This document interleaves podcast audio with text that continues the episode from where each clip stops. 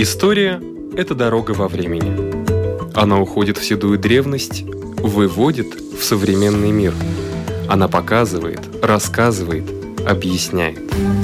И не перестает удивлять. Живая история.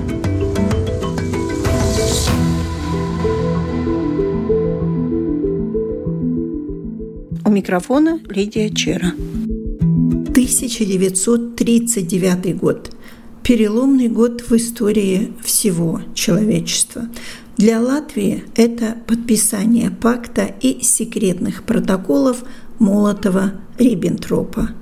Напомним о ситуации в стране и о главных действующих лицах.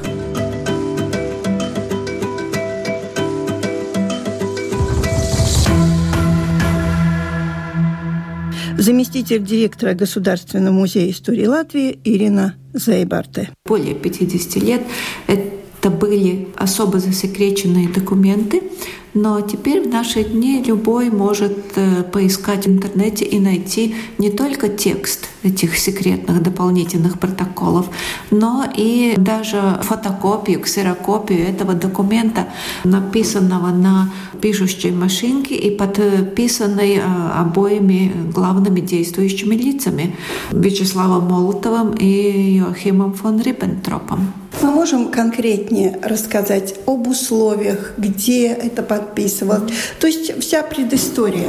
Предыстория довольно сложная, как и сложен весь 1939 год для истории надо, наверное, сказать, всего человечества, не только наших стран.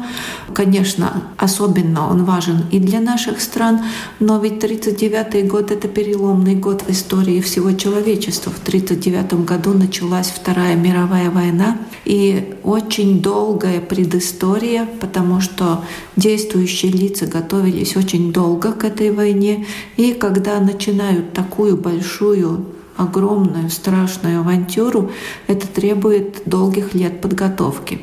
И поэтому, как известно, оба диктатора, и диктатор Германии Гитлер, и диктатор Советского Союза Сталин, они готовились к войне, и поэтому очень важно было как-то укрепиться, закрепиться, подготовиться. Ну, например, в том числе, если мы говорим о пакте Молотова-Риббентропа и о причинах того, почему Германия и Советский Союз заключили договор о ненападении и о дружбе и взаимоотношениях Тоже немного позже. Да, все было в 1939 году. Это и экономический аспект, аспект подготовки. Германия собиралась на очень-очень большую войну, но не имела достаточно сырья. И сырье, которое нужно было для того, чтобы начать такую огромную войну, надо было где-то раздобыть. И Советский Союз был этим кандидатом, который и согласился довольно скоро на эти условия, то есть поставлять Германии сырье для того, чтобы начать военные действия, потому что, например, Перед войной Германия импортировала 66% железной руды, 25% цинка, 50% свинца, 70% меди, 95% никеля, 66% нефти и так далее, и так далее. И э, поэтому это был взаимовыгодный договор. Для Латвии это было очень тяжелое время, потому что дипломатические круги в Латвии чувствовали, что, наверное, надо сказать, кольцо сжимается вокруг э, балтийских стран и в том числе, конечно, Латвии. Латвия старалась сохранить нейтралитет, но было ясно, что каждая из держав, и Германия, и Советский Союз, имеет, ну, скажем так, виды на Балтийские государства. И поэтому 1939 год прошел в довольно долгих переговорах. Латвия старалась получить гарантии от э, сразу э, всех наиболее влиятельных держав, то есть не только СССР и Германии, но и Великобритании и Франции, потому что имела опасения, и как э, ход истории показал обоснованные опасения того, что доверие к одной или к другой державе, то есть или к Германии, или к СССР, может э, привести к опасным последствиям. И э, старалась поэтому добиться гарантий и от Великобритании и Франции. Но эти переговоры не удались. И стало ясно, что Германия и СССР под прикрытием вот этого договора о ненападении, который был заключен 23 августа 1939 года в Москве. На подписание этого договора в Москву прилетел Йохим фон Риббентроп, министр иностранных дел Германии. И было ясно, что за этим договором, который в сущности, ну, ничего не приступает. Договор о ненападении такой в духе дипломатических договоров, там ничего особого о ненападении. Но оказалось, что подозрения не только Латвии, но, конечно, Эстонии, Литвы, и Финляндии, и Польши обоснованы, потому что был подписан и особый секретный дополнительный протокол. И вот этот секретный дополнительный протокол именно так и гласит. Я даже процитирую сейчас точно-точно.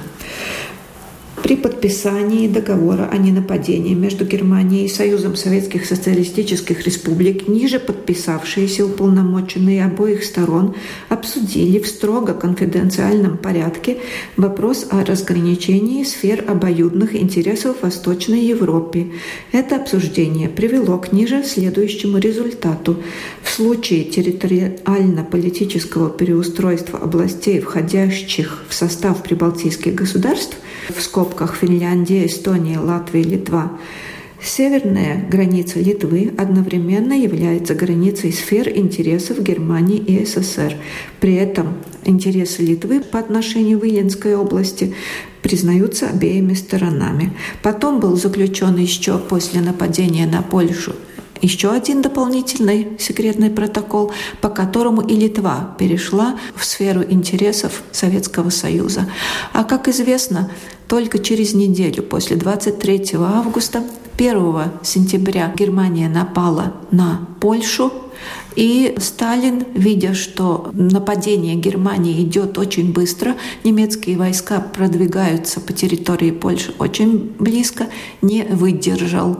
И несмотря на вот эти протоколы, тоже 17 сентября дал приказ советским войскам вступить на территорию Польши, потому что он опасался, что Германия завоюет всю Польшу и пойдет еще дальше. И 17 сентября Советский Союз напал на Польшу, и поэтому в сентябре вот заключили еще один специальный дополнительный протокол секретный о том, что вот Литва переходит тоже в зону интересов Советского Союза, а Польша была разделена ну, почти пополам. И то, что произошло в октябре 1939 года, эти договоры с прибалтийскими странами о введении советского военного контингента, об образовании военных баз на территории этих государств, это уже последствия с которыми было уже трудно потом бороться, потому что решение было принято фактически 23 августа, несмотря на то, что все время, особенно летом 1939 года, дипломаты Латвии старались держаться нейтралитета, старались держаться принципа, что о нас только при нас, чтобы не было переговоров дипломатических за спиной государства. Но небольшое латвийское государство не могло противостоять двум агрессорским державам и потеряло самое главное — независимость.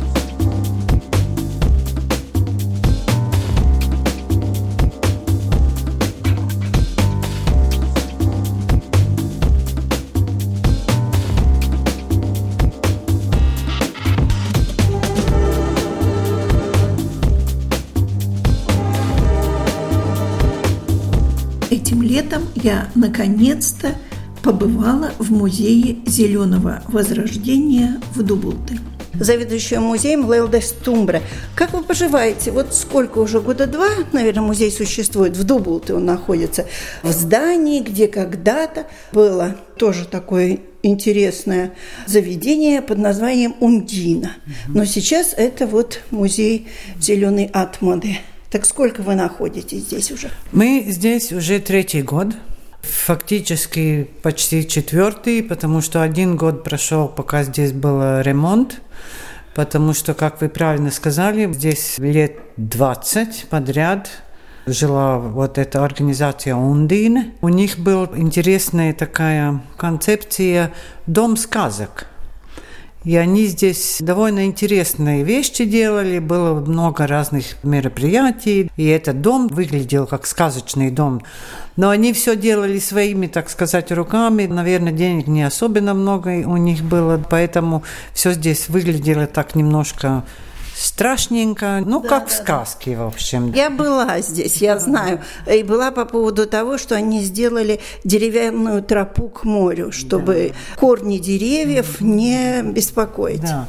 Ну да, они довольно много разных хороших вещей здесь делали, но в последние годы, оказывается, это все как-то прекратилось, потому что этот главный человек, который здесь хозяйничал, он уехал и больше здесь не жил, и поэтому этот дом и вся эта Ундинес деятельность прекратилась. И Юрмалская дома решила, что им нужно другую организацию, которая может продолжать здесь что-то делать. Ну и, по-моему, очень логично. Это был клуб защиты природы латвийский потому что Ундина вообще-то была отделом клуба защиты природы. Так что мы немножко подумали, сможем ли мы хозяйничать в этом доме. И решили, что у нас очень долго уже была идея, идея сделать этот музей. Музей, который посвящается клубу защиты природы, потому что этот клуб все-таки уже начал действовать в 80-е годы прошлого века, и он очень много сделал для Латвии, как и в политическом смысле, так и по защите природы, потому что все то, что мы сейчас считаем, что это нормально, там всякие зеленые вещи, это все начал клуб в свое да. время. Так что мы решили, что у нас идея есть, и так мы здесь начали действовать. У вас постепенно набирается экспозиция. Возможно, кто-то что-то приносит, какие-то фотографии с разных мероприятий. Много же людей, не только латышей, но и русских участвовало.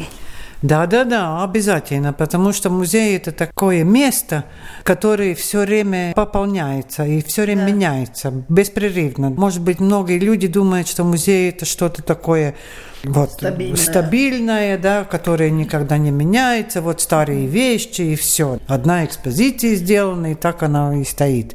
Ничего подобного сегодня нет. Сегодня музеи очень разные бывают. Во-первых, во-вторых, они все время меняют свои экспозиции, чтобы человек пришел не один раз и все это увидел, а чтобы человек знал, что здесь через полгода будет опять что-то другое. Так и мы. И, конечно, мы очень много людей приглашаем, чтобы они принесли какие-то свои вещи, которые относятся к деятельности клуба. Вот в эти 70-е, 80-е, 90-е годы и, может быть, есть какие-то книги по природе старые, которые мы в свою библиотеку пополняем. Может быть, есть фотографии. Ну, разные вещи, конечно, мы все время это делаем. Так как моя программа «Ноев ковчег» больше 20 лет уже на радио существует, то у меня сохранились с 2001 года еще материалы с конференции «Портиро Даугаву». Вот я помню, это было 20 лет назад. И где-то у меня еще хранятся. Наверное, стоит тоже вам принести. Но меня больше интересует вот концепция музея. Это касается только истории или все-таки это и изучение природы тоже? Обязательно, да. Первый момент и главный, конечно, это музей, где собирают разные документы, да, фото, исторические, исторические да. предметы и все такое, которое эту историю сохраняет. Но, во-вторых, он обязательно такой, который и просвещает людей по природе и по защите да, природы. Вот да. важно. Обязательно, да, потому что клуб всегда это делал, всегда была эта программа изучения природы да. и изучения защиты разных видов защиты природы, mm-hmm. да, или какие-то проблемы пытались поднять. И мы это делаем до сих пор. Мне, например, было бы интересно, вот если бы я только приехала, я бы пришла в этот музей, потому что, ну, в принципе, мало куда можно пойти сейчас в Юрмале. Все, Дзинтерский концертный зал закрыт. Mm-hmm. Я бы, наверное, хотела бы узнать немножко об истории даже вот дюн наших прибрежных, как они растут 10 тысяч лет, как их легко можно потерять. Да, обязательно, потому что у нас есть такая программа образования, что каждый человек, во-первых, может задавать все эти вопросы, и ему здесь отвечает профессионально, потому что есть человек, который все это знает. И мы делаем даже специальные экскурсии для детей Прекрасно. особенно, потому что это все входит программу этого музея. И образование, и история, и краеведческие какие-то вещи. В общем, это все здесь происходит обязательно. Сотрудничество есть с какими-то школами? прошлый год был самый такой энергичный, полный разных мероприятий. В этом году немножко корона нас, конечно, выбила из колеи, но ничего. Но в прошлом году, по-моему, уже все школы Юрмалы здесь побывали, потому что как они только, по-моему, узнали, что здесь есть вот этот э, музей и про природу можно что-то узнать, так они беспрерывно ходили на экскурсии, и мы, конечно, с удовольствием их принимали. А в этом году не будет никаких мероприятий? Или все-таки что-то на ну, свежем воздухе да. соорганизуете? Да, на свежем воздухе немножко организуем, но довольно опасно. опасно.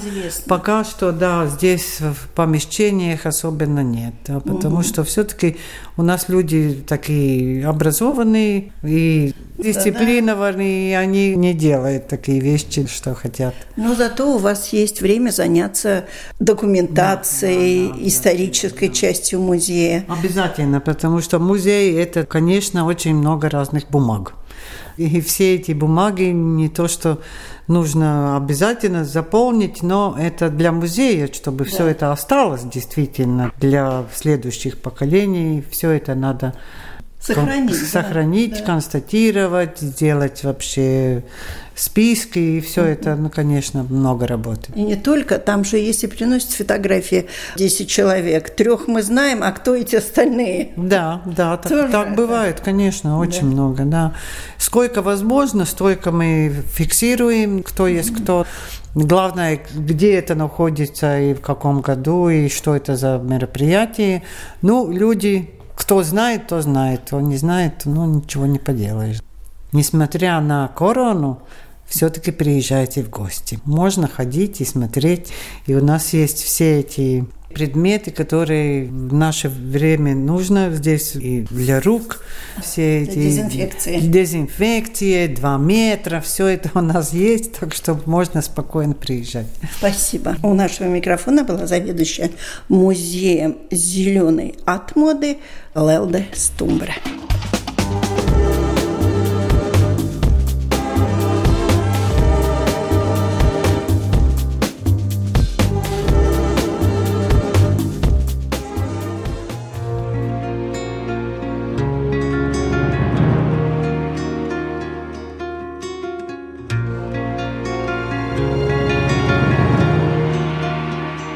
Заведующая музеем Романа Сута и Александры Бельцовой Наталья Евсеева. Судя по вашему фейсбуку, вы много путешествуете. Ну, в основном по музеям. Где вы были, что вы видели, что произвело самое большое впечатление? Практически 90% всех моих путешествий так или иначе связаны с героями нашими. С Александрой Бельцовой и Романом Сута. Я, мне кажется, объехала почти все места, где сами они в свое время побывали, начиная от Пензенской художественной школы, где они познакомились, где они учились в годы Первой мировой войны, и заканчивая Европой, Францией, Италией и Грузией, где закончил свою жизнь Роман Сута. Эти путешествия немного напоминают такие поездки детектива, где другой раз приходится или искать какие-то документы, которые могут свидетельствовать о том времени, или места, которые они посещали, дома, в которых они жили. В этом даже есть какой-то азарт, и много что мне удалось найти. И дом, в котором жила Александра Бельцова во Франции, когда она там лечилась на французской ривьере, мне не удалось выяснить, какой именно, потому как за столько времени и названия уже поменялись, и нумерация домов, но улица по-прежнему та самая, есть она в городе Ванс, и вид от нее с этой улицы открывается на город именно такой, как на картинах Бельцовой, которые она там писала. И верится, что именно там эти работы были созданы. Она писала сестре, что когда по приезду ей не разрешали врачи длительные прогулки, и ей нужно было лежать на свежем воздухе, она писала прямо с веранды того дома, в котором она жила. У нее там. туберкулез был? Да, верно, у нее был туберкулез легких. Она ездила туда в общей сложности около 5-6 раз во второй половине 20-х и в 30-е. Нашла я и в Вене домик, она там арендовала комнату. Вот у нас в музее есть э, девичья так называемая комнатка за кухней. Вот в такой же девичьей она жила в Вене. метров. Да, крошечная, неотапливаемая комната рядом с кухней. Она там прожила около полугода, то время, пока Роман Сута, супруг, лежал в больнице и оперировался там в Вене. У него открылась язва желудка. И состояние его было очень тяжелым. Проживание там тоже достаточно, у них не было совсем практически лишних денег на это. И вот именно там она и подорвала окончательно здоровье. Роман вылечился, выздоровел, а Александра заболела. И обострение очень сильное было связано именно вот с тем, что она жила зиму тогда в этой неотапливаемой комнатушке. При этом Вена же очень красивый город на самом деле. Там, говоря о музеях, один из лучших музеев Европы, где можно видеть и Вермеера, и Брейгеля. А возвращаясь к нашим героям, я, путешествуя по Франции, взяла с собой целую пачку распечаток с фотографиями, где Бельцова себя запечатлела, или ее фотографировали угу. на фоне, на фоне каких-то да. мест, да, и также ее работы, которые, вероятно, или совершенно точно были созданы там.